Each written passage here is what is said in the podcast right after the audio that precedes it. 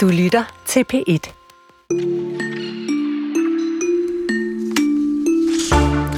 Der findes stjerner så berømte, at de kun behøver et fornavn, som Cher, Madonna og Prince, og på dansk, Gita.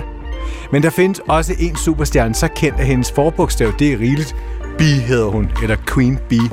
Som frontfigur brændte hun sig igennem som popstjerne og stilegrum i Destiny's Child, men det er som solist, at amerikanske Beyoncé har positioneret sig som en af popkulturens ukronede dronninger. Og hun har netop turneret kloden rundt med sin The Renaissance Tour, der er en af verdens mest sælgende øh, koncertturnéer. Hun er dus med alt fra Oprah til The Obamas, og ifølge Forbes så er hun indiskutabel en af verdens mest magtfulde kvinder, for Beyoncé, hun blander sig, gør hun, i samfunds- og identitetspolitik. Og det kan man blandt andet opleve i koncertfilmen Renaissance af Film by Beyoncé. Det er sådan rigtig Beyoncé-navn at give en film, ikke? Den er premiere i morgen. Og der går simpelthen uh, Queen Bee i den, uh, som det første i den her time. Og det er jo en time, hvor vi også propper lidt magi ind i æder, når vi skal høre, hvordan det alternative og spirituelle præger kunstscenen lige nu. En ny udstilling vil nemlig vække vores sanser. Hør, hvordan det går senere i den her uges sidste Kulturen. Med Jesper Dein og mig, Chris Pedersen. Ja, vi har jo næsten sagt det hele. Beyoncés kælenavn er Queen Bee, og man kan jo efterhånden diskutere, om hun i virkeligheden er, altså man kan nærmest ikke diskutere, hun er øh, popkulturens ukronede dronning. Hun har flere gange øh, figureret på Forbes liste over de mest magtfulde kvinder, og øh, har sunget for alle, øh, der er værd at synge for. Øh, I morgen der får den her film premiere, Renaissance. Øh, en film, hvor serien bliver inviteret med på den seneste verdensturné, og måske får lov til at, at, at lære den private verdensstjerne lidt bedre at kende. Og i den anledning har vi tænkt, at vi skal lige se nærmere på, hvad er det for en størrelse, det her? Øh, er det kun hype? Hvordan Beyoncé de seneste par år har brugt platformen og stemmen til at markere sig i den samfundspolitiske debat. Og derfor der har vi inviteret to Beyoncé-kyndige gæster i studiet, der kan gøre os meget klogere på det her og meget mere. Og velkommen til jer. Naima og Yasin og Ingrid Barakker, øh, værterne på podcasten er Seat at the Table. Og det er en podcast, hvor I med egen ord lærer, lytter og udfordrer hinanden på nogle af de emner, der optager som sorte kvinder i Danmark. Velkommen. Vel- velkommen til jer Ja, tusind tak. Hvad forventninger har I til Renaissance-filmen? Skal vi tage Naima? Ja, Naima. Naima, undskyld. Ja. Jamen, øh, jeg, jeg, jeg tænker, det bliver en øh, gensyn med koncerten. Øh, jeg tror, øh, hun har opfyldt hendes øh, ønske om, at we are the visuals. Så okay. jeg tror bare, hun har filmet alle de, hvad er det, 57 koncerter, hun nåede. Mm. Ja. Og Ingrid?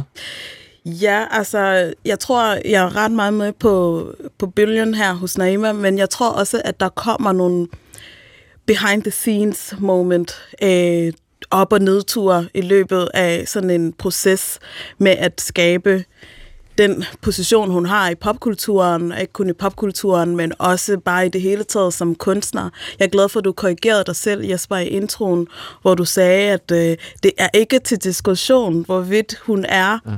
toppen, Ja, det er hun er vel. Det er vel, toppen. Det er vel sådan, det er. Også selvom I er meget begejstrede, det ved jeg godt. Ja. Men, men det er bare sådan, det er. Ja. ja. Også i forhold til øh, Chris' egen øh, favorit Madonna. Ja. Hun slår også Madonna, ja. Chris, jeg kan. Ja, det gør hun sikkert. Hun bygger videre. Hun bygger ja, videre. bygger videre, det er rigtigt. Ja. Men, men det der ord, du sagde, den der sætning, we are the visuals, hvad betyder det? Jamen altså, øhm, siden albummet kom ud sidste år, øh, i modsætning til Lemonade, hvor der kom en video ud med albummet, så har vi jo også ventet på det her øh, video, musikvideoer, som man normalt kender fra andre albums. Og, og der sagde hun, at i en af sangene, eller til en intro et eller andet sted, så siger hun, I er the visuals, I er musikvideoen. Et lille hint, eller? Et lille hint, mm. ja. ja. Så øh, det, og det har hun opfyldt. Må jeg, må jeg uddybe det en lille smule? Altså, øhm, Beyoncé er nok også sideløbende med hendes talent, eller ved siden af hendes talent og så videre, men rimelig ikonisk for, legendarisk for, at være rigtig god til at udgive øh, albums. Mm. Altså sådan på en ny måde. Øh, Lemonade var et album, der først og fremmest, Beyoncé-albummet, var et album, der kom ud af det blå. Vi, vi lå og sov en eller anden søndag, øh, vågnede, tror Bum, så landede den. Bum, så var der 12, 12 sange, øh, som alle sammen godt kunne være hit chart øh, placering, placeringer. Øhm, nogle år efter, så udgiver hun Lemonade, som var øh, banebrydende, ikke kun for hende selv, men nok også for, for popkultur, øh, som blev udgivet på en måde, hvor der ikke kun var et album, men som også, men hvor album ligesom var visualiseret i et værk, der var 12 minutter eller sådan noget. Ikke?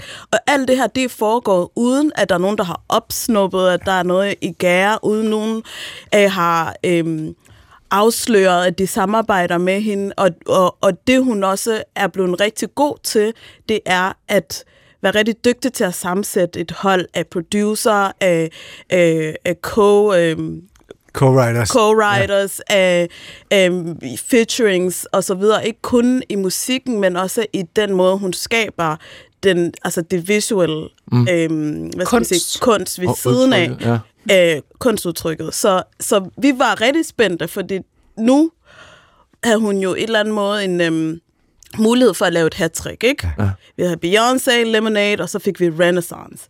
Og da hun udgav Renaissance-albummet sidste år i omkring juni, så 29. juni. ja, Det er simpelthen blevet en mærkedag Ja, af dig, Naima. Ja. der, der, var, der, der, der øh, annoncerede hun også, at det, det, altså albumet kun var en part one ud af en, Tre akter. Ja. en tre-akt. Hun holder gryden i kog. Ja. Og det er Ja. interessant, Men- det du siger også, bare lige i forhold til det der med kontrol. Mm. Det med, at mm. alle, altså hvis man vil arbejde sammen med jeg kan mærke det, jeg kender hende jo overhovedet ikke, det er jo derfor, vi har inviteret jer.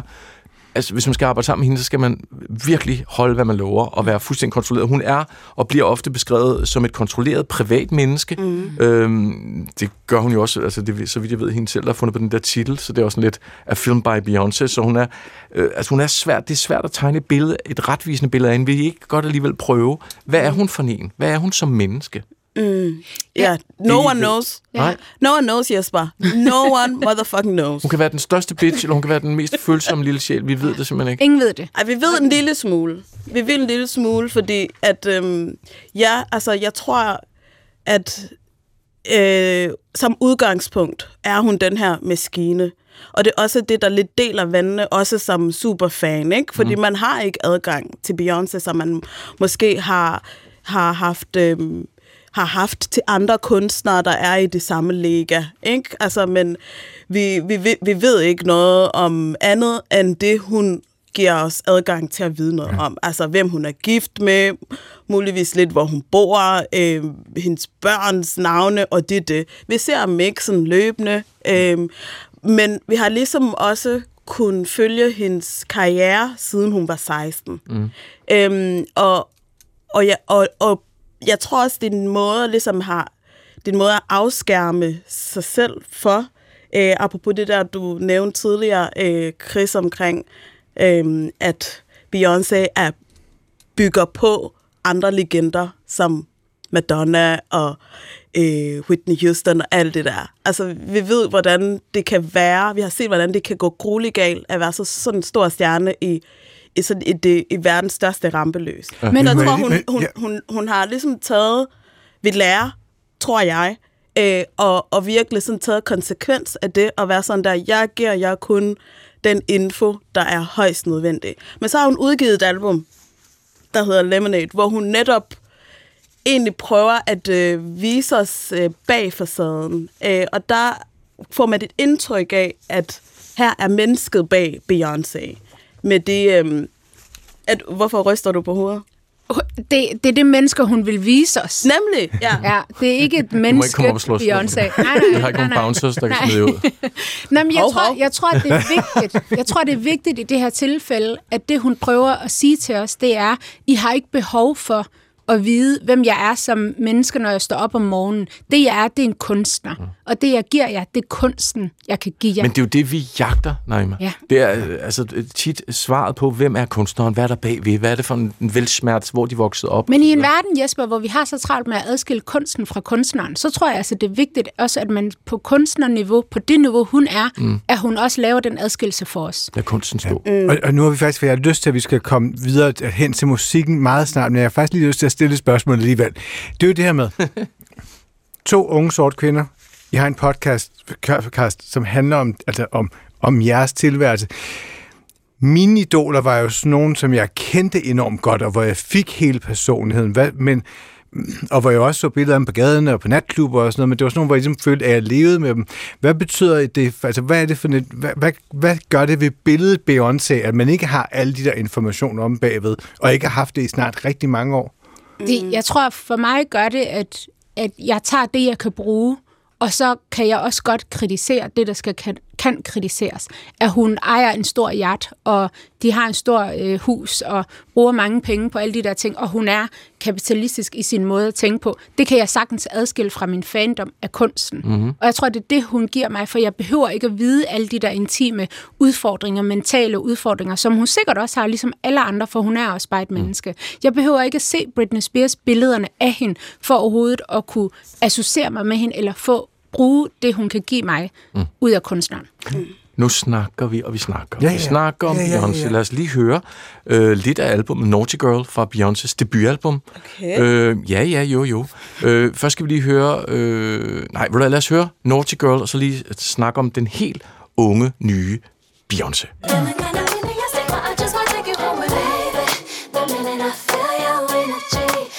Just taking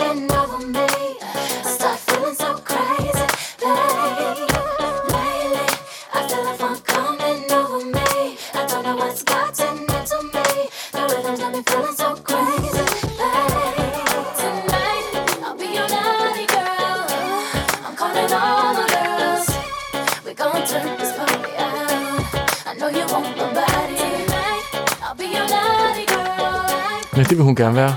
Være naughty girl. Ja. Hvem vil ikke det, Jesper? Ja, det er sgu fint nok. Har I nogensinde danset i det her studie før?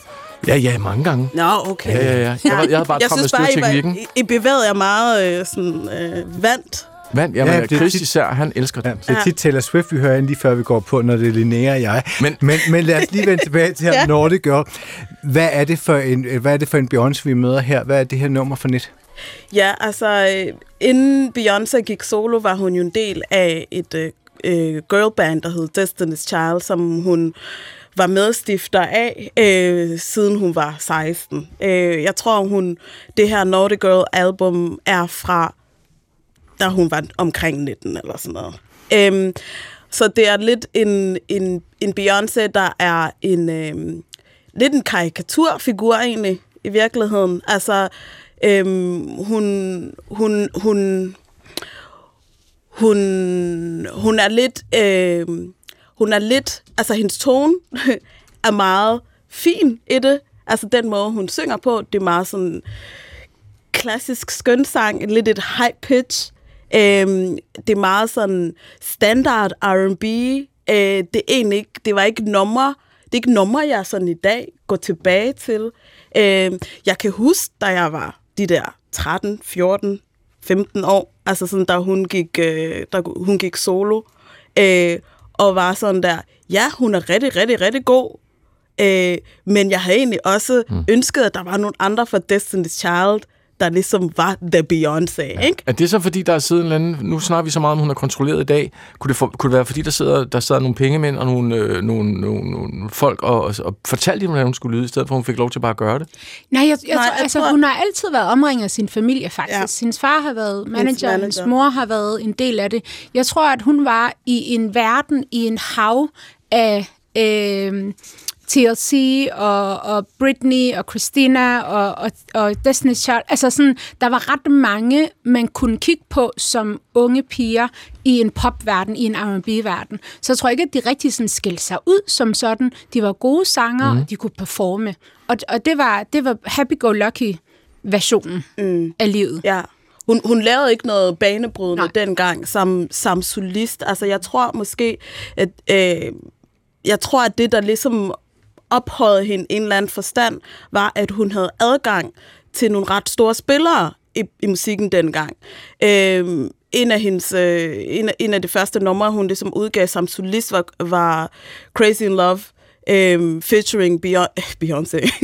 Beyoncé featuring Beyoncé. ja. Featuring øh, Jay-Z, Ja. ja. Bazy, som, øhm, som dengang, øhm, allerede dengang var hendes kæreste, men det har holdt der, det forhold rimelig meget sådan der på et øh, zero information level. Men det blev set øh, rundt omkring i New York sammen, som et par og så videre, men det kommenterer aldrig på øh, deres relation, udover at det var et professionel relation. Så udover sådan, sådan en som Jay-Z, så laver hun collabs med øh, Sean Paul, altså sådan numre, der sådan øh, fik hende ud i nogle, i nogle øh, svære i forhold til publikum, øh, som ligesom tog hende ud af den der sådan girl band øh, papfigur og, og, og ligesom gjorde, at det var en, en, en kunstner, man godt altså man skulle tage seriøst. Ja. Men hvis man så laver sådan et gigantisk kvantespring for netop den tidlige Beyoncé, som meget sådan et, øh, jeg tænker lidt sådan noget girl power, mm. single ladies, alle de her sange, der handler om at være ung, sej, måske sort kvinde, men i virkeligheden bare ung, sej kvinde. Mm. Mm. Og så rykker vi så op til Lemonade-albummet. Mm. Lad os lige høre en bid af, af det er en af singlen her, Freedom.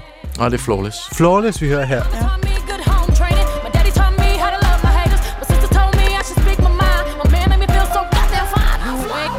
Flawless. Post up. Flawless. Run around in it. Flawless.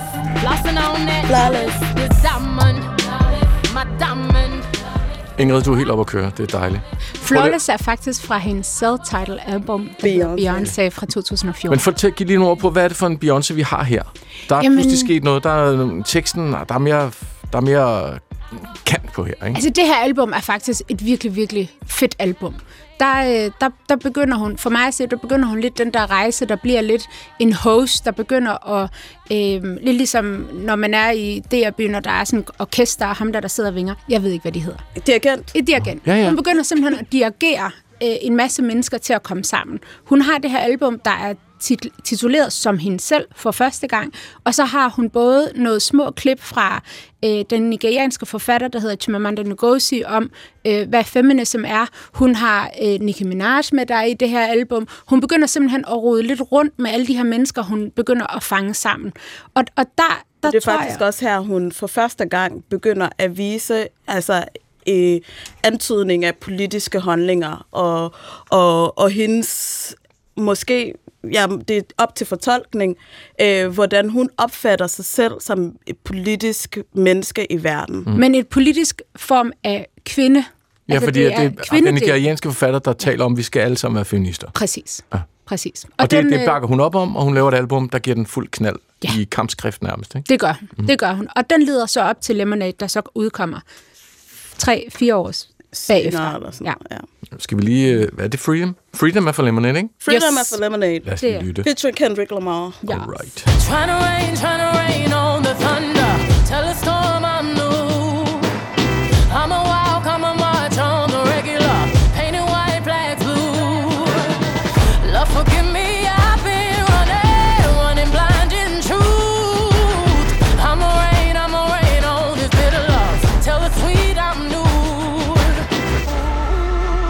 telling these tears go and fall away, fall away. Oh, may the last one burn into flames.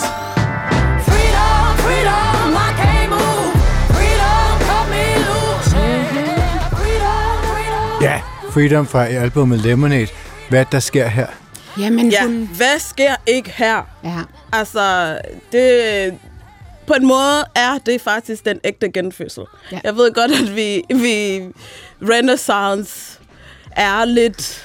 Ja, det betyder jo genfødsel. Genfødsel, ja, er lidt det, det, det på en eller anden måde insinuerer, men den ægte genfødsel, genfødsel er i Lemonade. Ja. Hun synger sådan, øh, og ensynligt her nær sagt, øresynlig.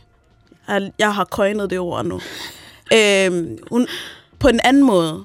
Altså, der er en dybde i hendes stemme. Der er variationer i den måde, hun synger på. Øh, og, og, og Freedom øh, som sang er egentlig meget mere end en sang. Mm. I den forstand, at hun, hun beskriver ikke kun politik, men også historie mm. for, for, for den øh, jeg ved ikke, hvad det hedder på dansk, lineage, som hun kommer ud af, som en det forløb. sort, det forløb. Ja, det, altså mere det, som den, i Ancestry. Ja, okay. ja, det er ikke forløb, det er mere arv. sådan, den arv, arv. præcis, ja. den arv, hun kommer ud af som en sort kreolkvinde. Mm. Øh, og hun er jo fra sydstaterne i i USA, som nok i selve USA er det regionalt det sted, hvor der har været størst sådan race øhm, konflikter og anspændinger. Øhm, så, så det, at hun er ind og ikke kun kommentere på det, men også sådan skabe billeder af, af, af, af, de, øh, af de statements, hun bringer i, i sangen, var meget skældsættende for ja. hendes ja, al- for selve albummet, men også for hendes karriere. Og det er også vigtigt at sige, at 2016 USA, altså det er øh, før Black Lives Matter overhovedet kom til resten af Europa, startede den i 2014 i USA. Så når man når til 2016, og Eric Garner dør, og hun laver en video og visuals, hvor de her mødre, der alle sammen har tabt deres børn til police brutality, og videoen starter med hende, der er i en politibil, hænger ud af den, der er ved at drukne. Altså der er sindssygt meget positionering og centrering ja. af, at nu indtager jeg den her position om, at kunsten også er politisk, mm. og jeg er også politisk i min måde, ja. og det er faktisk der, hvor hun begynder at ikke give en, sorry, jeg ved ikke, om man må sige det i radio, give en fuck for, mm. hvem hendes fans er, og hvad de egentlig gerne vil have.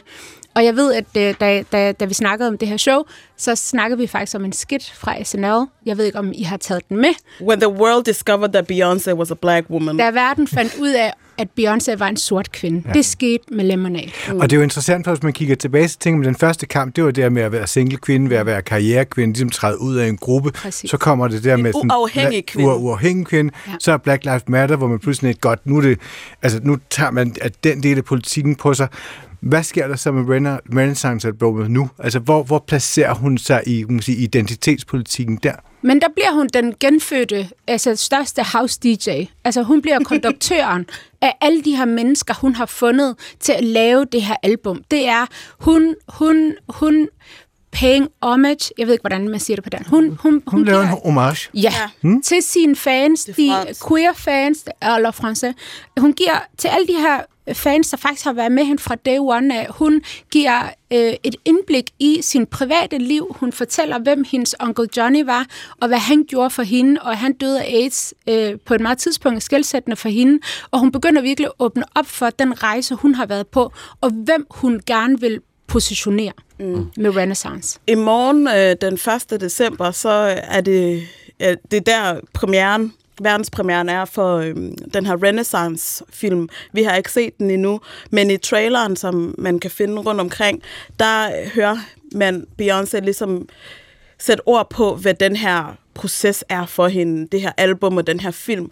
Og jeg tror, hun siger noget i retning med, at det her, det er øh, det er prisen for mig. Mm. Altså det her, det her, det er det, jeg har arbejdet mig frem til, at kunne få lov til at kreere. Jeg har kreeret noget, som jeg fortjener. Mm. Ja, øh, så øh, indtil Renaissance kom egentlig, så, og, hvis, og, og nogen spurgte, hvad er Beyoncés mest personlige værk? Mm. Så har jeg sagt altid, at det var Lemonade. Men det er i virkeligheden Renaissance, der er hendes mest personlige værk. I den forstand, at, at hun ligesom egentlig viser, eller lader os høre, hvad det for noget musik, hun selv kan lide at høre. Hvad er det for noget musik, hun har vokset op med at høre? Hvad er det for noget musik, hun er blevet introduceret for af hendes onkler, af hendes mødre? Øh, mødre. Øh, hendes mor. hendes mor. Them all. Them all. The lineage. Ja. Øhm, så ja, og som kunstner er hun faktisk ret god i det her album til at sige, jeg har ikke skabt det her selv. Jeg står her ikke alene. Jeg står på skuldrene af alle de her mennesker. Så det er, at hun tager både Kendrick Lamar med, men også Grace Jones, og hun tager Diana Ross med på, på koncerten. Altså hun er virkelig god til at sige, jeg har ikke bygget det her alene op. Jeg står på skuldrene af alle de her mennesker, og også den her arv, vi alle sammen er en del af. Og når hun så virkelig afslutter med to dage show i Houston, på et tidspunkt, hvor USA begynder at tage rettigheder, menneskerettigheder fra LGBTQ plus øh, øh, øh, mennesker, så viser hun også bare sådan lidt, men, men vi står stærke sammen, og mm. vi har noget at stå op på at stå sammen om. Og, og det synes jeg er ret fedt som kunstner at kunne bruge kunsten politisk på den måde også. Tak skal I have. What you are. Stilettos kicking vintage crystal off the bar. Category bad bitch, I'm the bar. alien superstar. Whip, whip. I'm too classy for this world. Forever I'm that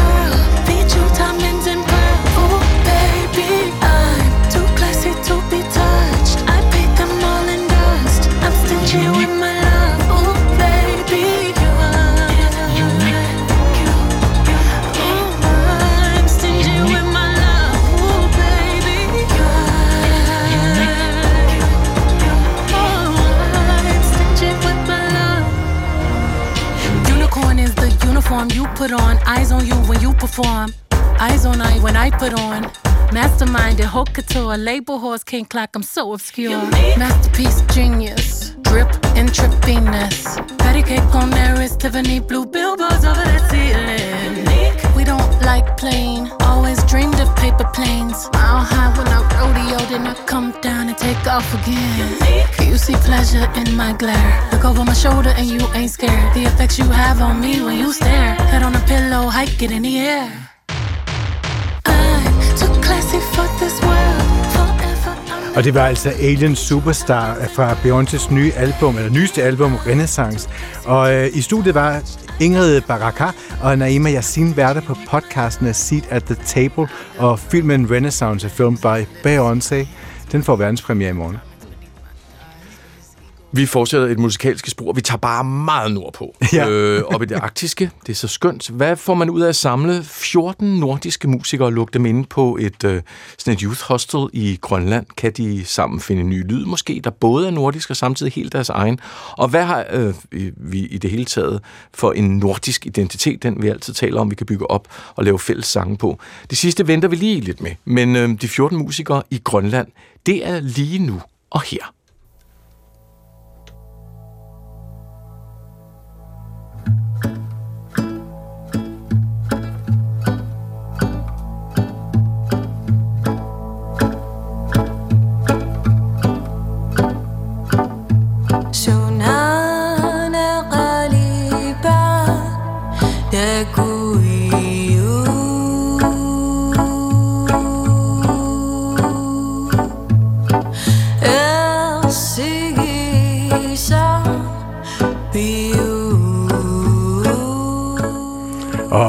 Og projektet her, det hedder Arctic Assembly, og, jeg er en, og en af de 14 musikere, der er med i det her projekt, det er Lea Kampmann, sanger, sangskriver og fra Færøerne. Og du er med her i studiet nu. Ja, det er jeg. Hej, Lea. Meget velkommen. Tusind tak. Hvorfor havde du lyst til at gå med i det her projekt? Mm, jeg øh, fik en besked af Simon Becker, som øh, stod for øh, projektet, hvor han øh, skrev, at øh, han havde inviteret en masse forskellige nordiske musikere og sangskrivere til at være med i det her projekt, og jeg synes, at det lød simpelthen så spændende, at øh, skulle skabe musik sammen med musikere og mennesker fra hele Norden, og at se, hvad der kom ud af at øh, lave musik sammen på øh, tværs af landegrænser og kulturer. Jeg var meget spændt for at se, hvilken musik, der ville komme ud ja. på den anden side. Ja, for man tænker jo sådan udgård, tænker man, at vi har måske en fælles klang, eller måske har vi ikke, det finder vi ud af. Det får vi Ja. svar på lige om lidt. Hvad kom du selv med? Hvad tog du med? Mm, jeg øh, kom med min egen stemme og med mit sprog, det færøske sprog. Um, jeg havde taget øh, min færøske sang med. Um, jeg var meget øh, glad for at kunne ja, dele min, mit færøske sprog med de andre, og også at kunne udgive noget musik på mit modersmål, Mhm. um, hvor jeg ellers har skrevet mest på engelsk før. Men øh, til det her projekt skulle vi altså skrive på vores, vores egne sprog. Og så ud over sproget, er der en særlig lyd, du kom med? Hmm, altså forhåbentlig min, min, egen, øh, min egen lyd, min egen stemme. Øhm, ja, og den, øh, den stil, eller hvad man skal sige, som jeg har Men så er man som der, musiker. og så er man der. Man er 14 musikere, og man glæder sig, gætter på. Øh, Hvad var det for en proces, I havde øh, i Grønland? Mm, vi havde alle sammen, som sagt, taget en sang med hver på hver vores sprog. Og øhm, så mødtes vi i Nuuk og havde fire dage, husker jeg det som, til at indspille et helt album sammen. Så Nå. blev vi, øh, ja, det var ret intenst. Så blev vi delt op i øh, sådan nogle hold af fire-fem mennesker, og så skulle vi øh, indspille og producere hinandens sange. Og det havde vi måske tre timer til per sang. Så alle de her sange på det album, der udkommer, er blevet lavet meget, meget hurtigt. Øhm, og i sådan et rum med, med ret mange kokke. Hvad tror du, det betyder? Altså hurtigheden, hvad gør det? Mm, Jeg tror, at man slap sin indre kritiker, måske lidt, gav lidt slip, og øh, jeg øvede mig i hvert fald i at øh, tage imod de andres forslag og være sådan, jamen det er måske en meget bedre idé end min egen, og I stedet for at sidde og, og virkelig forsvinde ind i flere dage Ja. og, og flueknippe ens øh, ord og toner. ja, lige præcis, Mm. lige præcis. Skal vi ikke høre sangen? Så Jo, endelig. Lea Kampmann her. Øhm, den hedder Fritterlag. Hvordan siger du det? Frierlær, Og du øh, må lige fortælle, hvad det betyder på det færøsk. betyder fredssang. Jamen altså. Der er en lille intro. Det er alltid still.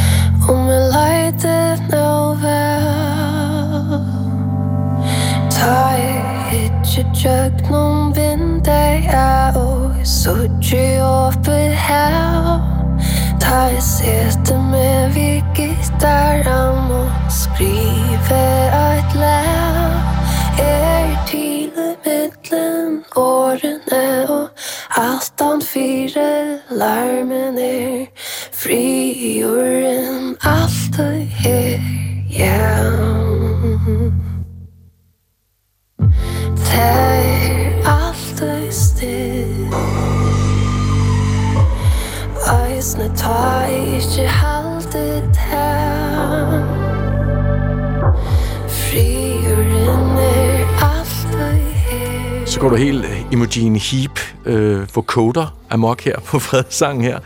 Øh, Lea Kampmann, var det lidt. Hvad, hvad skete der med din sang, da du tog den med der? Sammen med de andre nordiske musikere?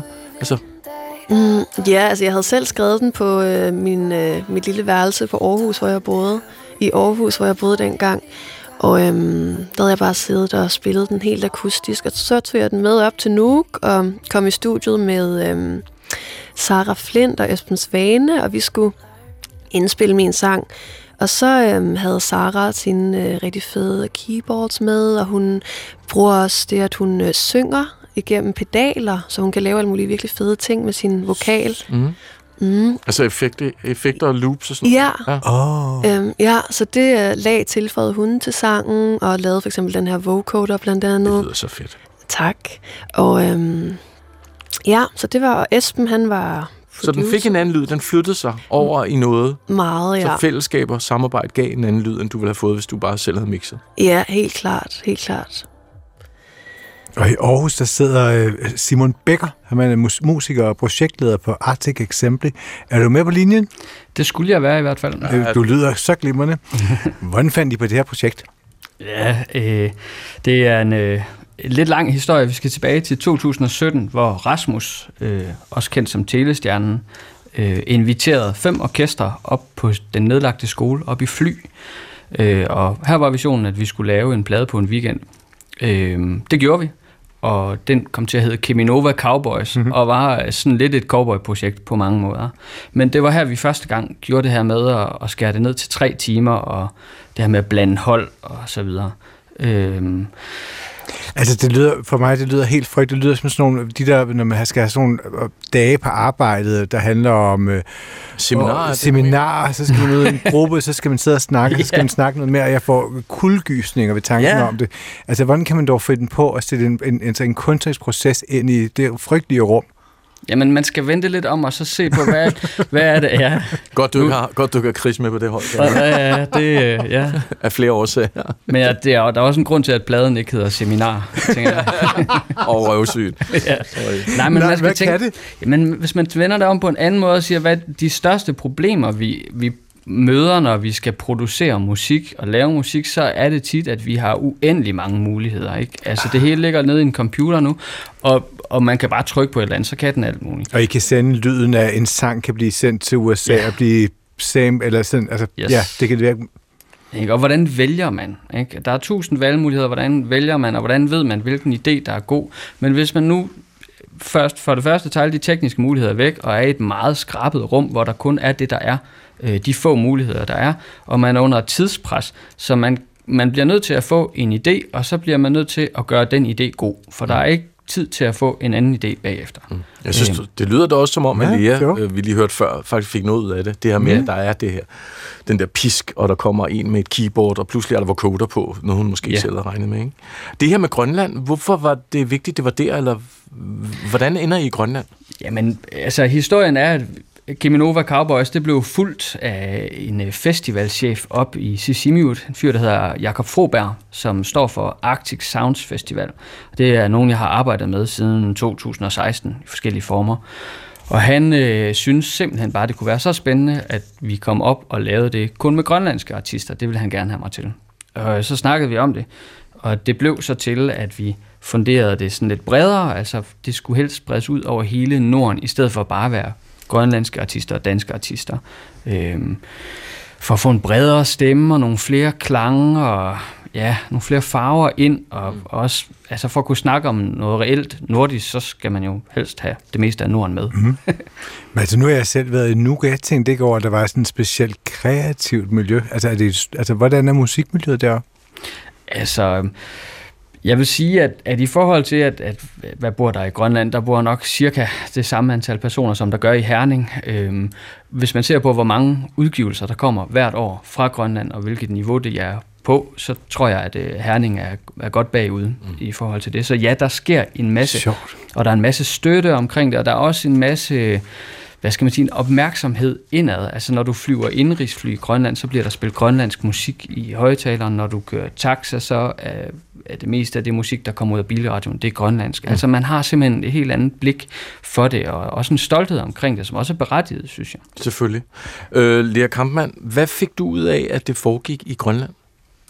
Mm, altså, jeg har først og fremmest fået en masse øh, gode venner og kollegaer fra blandt andet Grønland, som jeg også stadig arbejder sammen med musikalsk og også ses med. Mm. Nogle af dem, øh, Gustav Lynge blandt andet, en meget dygtig sanger, sangskriver og musiker. Han bor her i København, og vi er gået i gang med et projekt sammen og ses ofte. Og ja, så, øhm, Så, så et nordisk netværk. Ja, helt klart.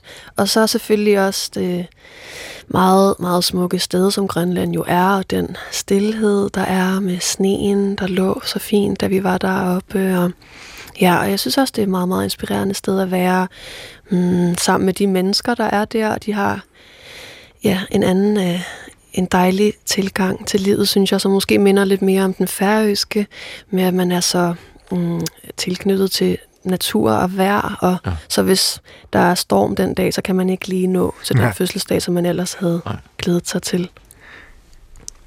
Altså, Simon, hvad, hvad har du så taget med hjem fra projektet? Jamen, jeg synes, at, at øh, det vigtigste for mig, det var den her måde, det lykkedes på i kraft af, at, at folk netop øh, rakt ud til hinanden og, og rakt hen over de her forskelle, der var, fik det til at lykkes. Øhm, det var jo egentlig det, det handlede om, og det synes jeg er helt fantastisk at, at, at høre, at det skete. Øhm, og, og nu hørte den, da vi hørte Lea sang, kunne jeg også mærke det igen. Ikke? Mm. Altså, det jo det, der er fedt. Og så synes jeg, det er fantastisk at høre, at, at det har dannet netværk, og at, at, øh, eller i hvert fald har hjulpet folk videre i deres netværk. Mm. Øhm, det synes jeg, det var det, der var meningen. Jeg tænker, man skal søge en masse midler for at få sådan noget til at gå op. Gør I det her igen? Bliver det sådan en tilbagevendende camp? Ja, vi har faktisk gjort det. Og I har gjort det? Ja, vi gjorde det i påsken her i 23 med, med Inuit fra Grønland og Inuit fra øh, Nunavut i Kanada, hvor vi var i Island i altså samme, nogenlunde samme, øh, fire dage i et studie, og så øh, tage til Grønland og spille på festivalen bagefter. Og næste år laver vi et lignende projekt, hvor det så ikke er indspilning, men hvor det er med 110 unge fra Danmark, Norge, Island og Grønland, der mødes en uge i Sisimiut der laver musik og dans og billedkunst og alt sådan noget. Og det er sådan centreret omkring, omkring de samme ting, at det her med, at man har en praktisk opgave, noget man skal lave sammen, og så bor man ellers sammen, har en masse fritid sammen, ikke? så der kan være det her kulturmøde i det, som forhåbentlig kan bringe os lidt videre og lidt tættere sammen i Norden. Jamen, tak skal I have. Lea Kampmann, musiker, der medvirker i projektet Arctic Exempli, og Simon Becker er projektleder. Og lad os slutte af med et postkort fra Downtown Nuuk.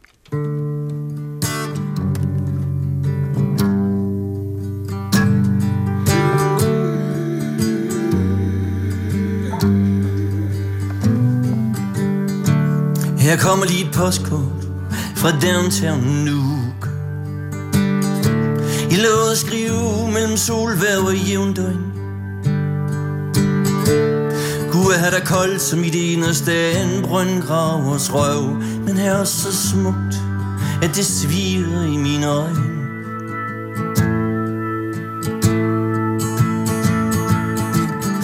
Jeg så en dreng, der legede med en kranbil ved en blok.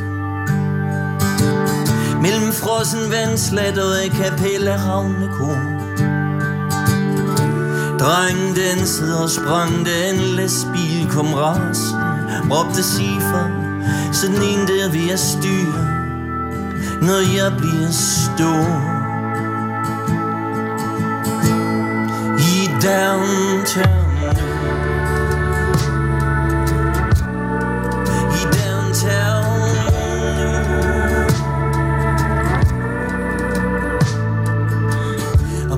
Af drømmen stod en Er det næsten som at høre en, en helt ung Allan Olsen? Hvor er det Ja. skønt. Rasmus Johansen hedder han. Øh, postkort fra Downtown Nuuk. Ja, og, altså, det er et virkelig smukt samarbejde det her, det kan vi godt lide, og vi vil gerne elske det nordiske, også selvom vi engang lå i krig med nogle af de andre lande, men det er lang tid siden nu. Men hvornår blev vi så for alvor nordiske, og hvornår fandt vi ud af, at vi var stærkere sammen som lande? Det spørgsmål, det har vi sendt videre til Rasmus Glendhøj, der er lektor i historie på SDU. Det er noget, der for alvor begynder at blive udviklet i løbet af 1800-tallet. Og jeg skal huske på, at tingene var helt anderledes på det tidspunkt, fordi at Sverige og Norge var rent faktisk i en union med hinanden allerede, ligesom Danmark og Norge frem til 1814 havde været det. Så udgangspunktet var anderledes, øh, og der arbejdede man øh, rent faktisk, fordi at verden ligesom i dag, var virkelig, virkelig farlig, så overvejede man at lave et nordisk forsvarsforbund. Øh, og det lyder måske næsten øh, bekendt. Et forsvarsforbund, som måske endda kunne udvikle sig til en føderation, federation, altså en federal stat øh, på sigt. Det lykkedes så ikke, og det gik faktisk roligt galt i forbindelse med krigen i 1864, men på bagkant heraf, så opstod det, man kalder for den praktiske skandinavisme, hvor man øh, indgik en øh, møntunion, og man indgik et øh, samarbejde omkring lovgivning. Så når Danmark, Norge og Sverige minder så utrolig meget om hinanden i dag, så skyldes det blandt andet, at man øh, altså i slutningen af 1800-tallet simpelthen helt bevidst arbejdede på at koordinere al lovgivning på tværs af landegrænserne. Mm. Hvornår øh, i processen fra, fra dengang i 1800-tallet og frem til i dag, hvornår har det nordiske samarbejde egentlig været tættest? Jamen, det er altid tættest, når man er presset udefra. Um, så øh, forsvarsmæssigt kan man altid se, at hver eneste gang verden er farlig, så begynder man at tale om, at man skal øh, stå sammen. Og hvis vi ser på det mere lovgivningsmæssige, jamen, så er det måske, øh, altså vi ser rigtig meget i, i slutningen af, 1800-tallet og starten af, 1900-tallet. Og det bliver også ved med at have en stor, stor betydning frem til, at øh, Danmark kommer ind i det øh, europæiske samarbejde, altså ind i EF, øh, det europæiske fællesskaber, og senere det, der bliver til EU. Hvis vi ser på det nordiske kultursamarbejde, hvornår i historien har vi været bedst til den slags?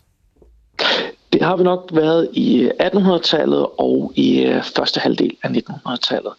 For hvis man vælger at være selektiv nok, så har man jo grundlæggende den øh, samme kultur, det samme sprog og den samme historie øh, på tværs af de nordiske grænser her. Altså, så øh, man, man taler jo grundlæggende det samme sprog. Vi har bare fået det ind i hovedet, at det lige pludselig er svært at forstå svensk, øh, og sågar måske endda er svært at forstå norsk. Hvis man bare taler sådan 10% langsommere og selv artikulerer lidt mere, så det er overhovedet ikke svært. Så det er den her form for globalisering, som har gjort, at vi begynder at tale engelsk med hinanden. Før der var det fuldstændig naturligt, at man talte sit eget sprog, og det var ikke svært. Altså norsk er jo grundlæggende bare dansk stavet logisk. Mm. Og i dag, der har vi jo, altså ud over EU, så har vi NATO, og vi har FN, og vi har en masse andre forbund af nationer. Hvad kan det nordiske samarbejde i dag? Hvad, hvad kan de supplere med der? Ja, det er jo det gode spørgsmål, fordi de andre uh, organisationer har jo nok overtaget uh, en stor del af rolle uh, i forhold til det, som det nordiske uh, har kunnet tidligere.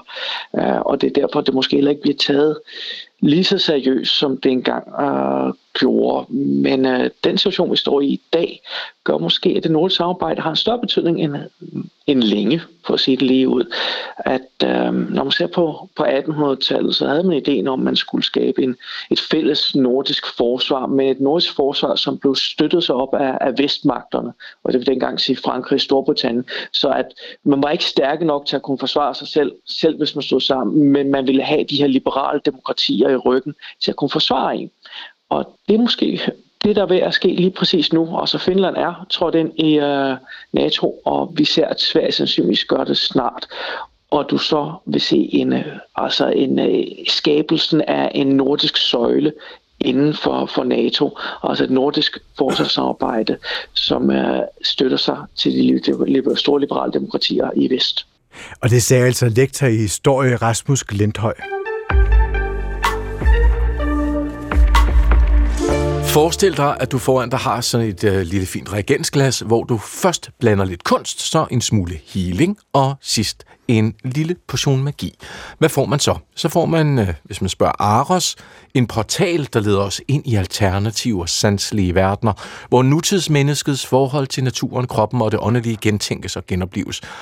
Og præcis sådan en portal kan måske være meget rar at stikke hovedet igennem, når der nu er så meget ballade og dårligdom i vores egen verden. Og heldigvis så findes øh, den her portal fra på lørdag på Aros, når de åbner udstillingen The Cosmos Within. Og til at fortælle nærmere om den har vi øh, besøg af kuratoren bag udstillingen. Hun hedder Maria Kappel Blevad. Velkommen, Maria. Tak skal du have. I vil blande kunst, magi, healing. Hvordan kommer man til at opleve det i den her udstilling, The Cosmos Within? Jamen, øh, det gør man øh, på Ars. Øh, fra i morgen faktisk er der fanisering kl. 17.30, og øh, på udstillingen The Cosmos Within kan man opleve 13 internationale kunstnere, øh, både øh, nulevende og øh, klassiske kunstnere, som alle sammen rigtig nok arbejder i krydsfeltet mellem kunst, healing og magi. Hvad er det konkret, man kan opleve? Fordi det kan jo... Jeg har mange virkelig underlige indre billeder. Alt fra gøjlet øh, cirkus til alt muligt. Hvad er det for noget? Jamen, det er alt muligt blandet faktisk. Og det er en udstilling, der samlet set handler om kunstens interesse for det åndelige.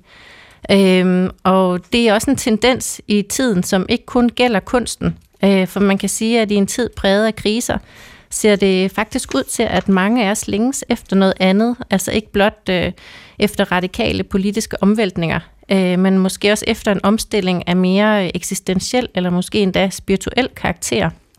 Øh, hvilket man ser øh, i den omfattende genkomst af forskellige sådan, alternative helbredelsesmetoder, astrologi, tarot, meditation og yoga, som, som også er emnefelter, kunstnerne trækker ind i deres værker. Mm.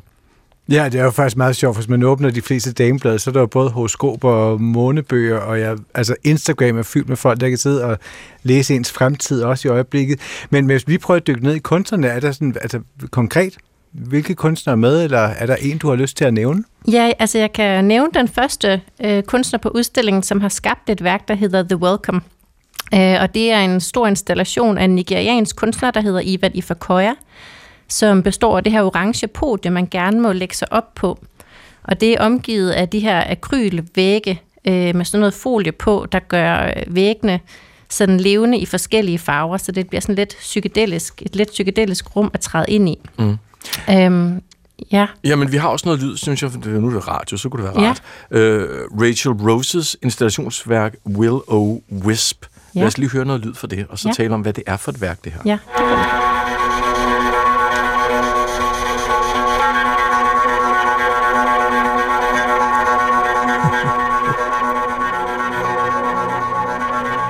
Der er noget drone, der er noget strygerlyd, og der er et øh, piskeris, eller det ved jeg ikke, hvad det er. Hvad er det for et værk, det her? Prøv at forklare. Jamen, det er et værk, hvor vi skruer tiden tilbage, for i øh, filmen Willow Wisp af amerikanske Rachel Rose, der ser hun på det 16. og 17. århundrede som en tid med store økonomiske, jordpolitiske, sociale og ikke mindst åndelige forandringer Øh, det er altså oplysningstiden, vi taler om, men også en, en tid, hvor øh, vi gik over til privatisering af, af landjorden, øh, hvor forskellige forandringer øh, fandt sted i samfundet.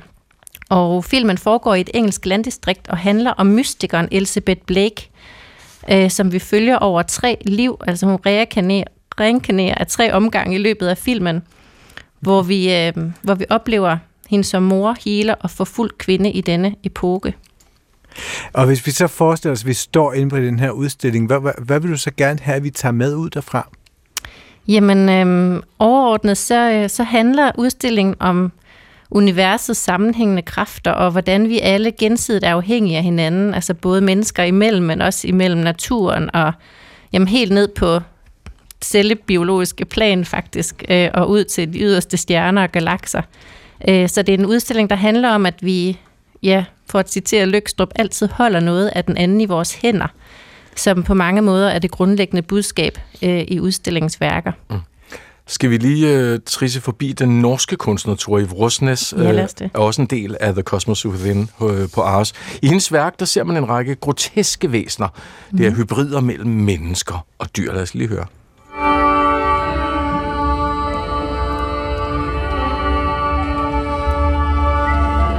Det er sådan set bare soundtracket til de her Til en Marit. skabninger af Marits forestilling. Hvad, hvad er det, hun bidrager med, Tori? Jamen, øh, i Toris værk, der træder man ind i det her grottelignende mørke rum, hvor man møder de her pelsklædte urvæster, som ifølge kunstneren har foretaget en uset underjordisk rejse, som lidt modsvarer trækfuglenes himmelfærd. Hele vejen fra Thailand, fra øen Krabi til, øh, til øh, de norske kyster øh, under vandet. Øh, og de har opsøgt dele af verden, hvor de kan leve uden for det moderne menneskes forbrug af naturen og af hinanden. Øh, og dem følger vi så, og de lever i tæt pagt med tidevandets cyklus. Og i midten af rummet er der et øh, roterende podie. Det roterer meget langsomt, og det må man gerne sætte sig op på. Så hvis man gør det, så kan man gå i synk med urvæsenernes sådan lindrende langsomlighed. Mm. Fordi man simpelthen kører meget, meget langsomt rundt. Det, man kører super langsomt rundt. Det er sådan helt subtilt og meget, meget afslappende og dejligt. Jeg tænker sådan, apropos langsomt, du er kurator på den her udstilling, du har formentlig arbejdet på den i rigtig lang tid, det tager tid at få tingene ind. Men altså, jeg, jeg cykler tit forbi uh, Christianshavn ude på, som her i København, hvor jeg bor. Der ligger sådan en lille krystalbutik, og nogle gange så er jeg gået derind, og så er jeg bare gået og kigget på alle de mærkelige ting, der er derinde. På mit gamle arbejde, der arbejdede lige over for sådan en heksebutik, Ja. som var lidt en blanding af hekseri, men også lidt sexlegetøj, tror jeg, fordi det så i hvert fald meget sådan, kombi. det så meget sådan sexy ud på en eller anden måde. Men, men man kan sige, det her det spirituelle, det er jo noget, vi kan, det, det er der jo adgang til mange forskellige steder. Det er jo noget, vi kan købe os adgang til. Der er konsulenter, der er, altså, vi, vi kan jo, der er jo alle mulige mennesker, der tilbyder den her. Hvad er det, kunsten kan i forhold til åndeligheden? Hvad er det for et samspil, der ligger der? Jamen, jeg tænker, altså kunsten har jo altid øh, beskæftiget sig med det, der rækker ud over sproget, det skønne, øh, det, der rækker ud over det materielle og vores rationelle fatteevne. Og det er, sådan, det er svært at fange ind rent videnskabeligt. Øh, øh, så derfor så er kunsten et rigtig godt talerør for alt det her lidt uforklarlige og uf- usigelige på mange måder, som, som også gør sig gældende i, i det okulte og, og i de åndelige og mere alternative øh, trosretninger. Og Maria, den her The Cosmos Within, det er den første i øh, en øh, serie, Making New Worlds trilogi, øh, som Ars har tænkt sig at lave. Altså skabe de her nye verdener, som løber øh, 2023, der står vi nu. 25 kommer der også noget, 2027. Hvad er det for en samtale, I og du gerne vil starte med, med, med, med den her trilogi? Jamen, The Cosmos Within, den, øh, der starter vi med at se indad, fordi hvis man ønsker en mere harmonisk verden, jamen så skal man først og fremmest starte med sig selv. Og så er det klart, øh, ved øh, andet take, den næste udstilling, jamen så, så retter vi, vi blikket ud mod samfundet, og til sidst ud mod nogle forestillede fremtidsscenarier. Øh, så, så vi starter med det indre, og så bevæger vi os længere og længere ud i øh, det intergalaktiske rum. Mm. Så kan jeg jo ikke lade være med at tænke på, at vi lever i sådan en tid, som er meget te- altså ekstremt teknologisk, meget, øh, altså meget foregår på nettet, meget foregår inde på vores lille mobiltelefon. Hvad kan den her type kunst, den her type udstilling, dialog gøre i forhold til, til det? Hvad er det for et modsætningsforhold, som den spiller ind i? Jamen, den tilbyder netop en pause fra alt det digitale støj, som omgiver os, og det tror jeg det hele taget et besøg på kunstmuseer kan gøre, øhm, som er det er i det hele taget mere analogt, og, og hele den spirituelle verden øh, og interessen herfor, øh, det handler jo også om, at vi på en eller anden måde savner noget ro og noget langsomlighed, og, en, og at reconnecte med naturen og hinanden i højere grad, end vi har gjort hidtil. Hvis, hov, jeg tænker bare, hvis man så kigger ud over sådan, altså dit arbejde som kurator, nu har du arbejdet med den her udstilling i lang tid, hvad har du selv fået ud af at arbejde med den her spirituelle kunst? Jamen, jeg har fundet ud af, at det er et, et emnefelt, man aldrig bliver færdig med. Altså, jeg føler kun, at jeg har skrabet på overflade, overfladen, øh, og at der er meget mere, man kan gå på opdagelse i, end hvad jeg har nået øh, i løbet af de her sidste par år, vi har, vi har arbejdet på at tilrettelægge udstillingen. Øhm, og det er jo i hvert fald ting som øh, sådan en, det er en udviklingshistorie. Øh, den åbner sig stille og roligt som en blomst. Hvad bidrager de to andre udstillinger så med efter planen? Jamen, det vides ikke helt endnu. Altså, der går jo et par år før, før de åbner, øhm, og de er stadig i støbeskeen, så øhm, det kan jeg faktisk ikke øh, afsløre så meget af endnu. Men den indre rejse øh, og, og, og skæbner og væsener, det er altså det, der kommer til at præge Aros det næste lange stykke tid. Det er det i høj grad, og øhm, kommer man til åbningen i morgen, som er åben for alle, så, så glæder jeg til en performance af Tori Vrones, hvor vi øh, slukker for alt lys og øh, stopper for alt salg og service i shop og café øh, i løbet af de fem minutter, som performancen varer, og hvor hun ligesom indtager Ares med, med, sin, med sin sang. Slukker for alt lys, slukker for alt strøm. Ja, vi holder sådan en fælles storladen pause. Wow. I er jo totalt mørke, eller hvad? Ja, Jeg håber, at I har så, når I kommer for mange 20 knæp. nu, nu bor ja. vi i et glashus, så lidt lys fra gaden kommer derind. Her med en invitation. Puha. Ja. Ej, Ja. Var det lyder da meget alternativt. Jeg tror, det bliver mega fedt. Ja, det gør det da også. Ja. Jamen, øh, tak fordi du var med, og held og lykke med udstillingen. Jamen selv tak. Maria Kappel Blevad, hun er kurator på udstillingen The Cosmos Within, som altså fra, ja, der er fanisering i morgen i total mørke, var det ikke det, hun sagde? Jo. Øh, og så kører den altså på Aarhus i Aarhus i et godt stykke tid. Glæd dig til årets julekalender. Christianias magiske Tivoli Kan du trylle? Ja, selvfølgelig kan jeg trylle, for jeg er den lille Lucini! Husejeren har givet os en ny kontrakt på teateret. Her står der, at vi skal betale alt, hvad vi skylder inden juleaften. Hvis ikke, så tror hun med at smide os på gaden. Er det hende, den onde dame? Ja, det er jo synd. Men vi må nok bare holde os til kontrakten.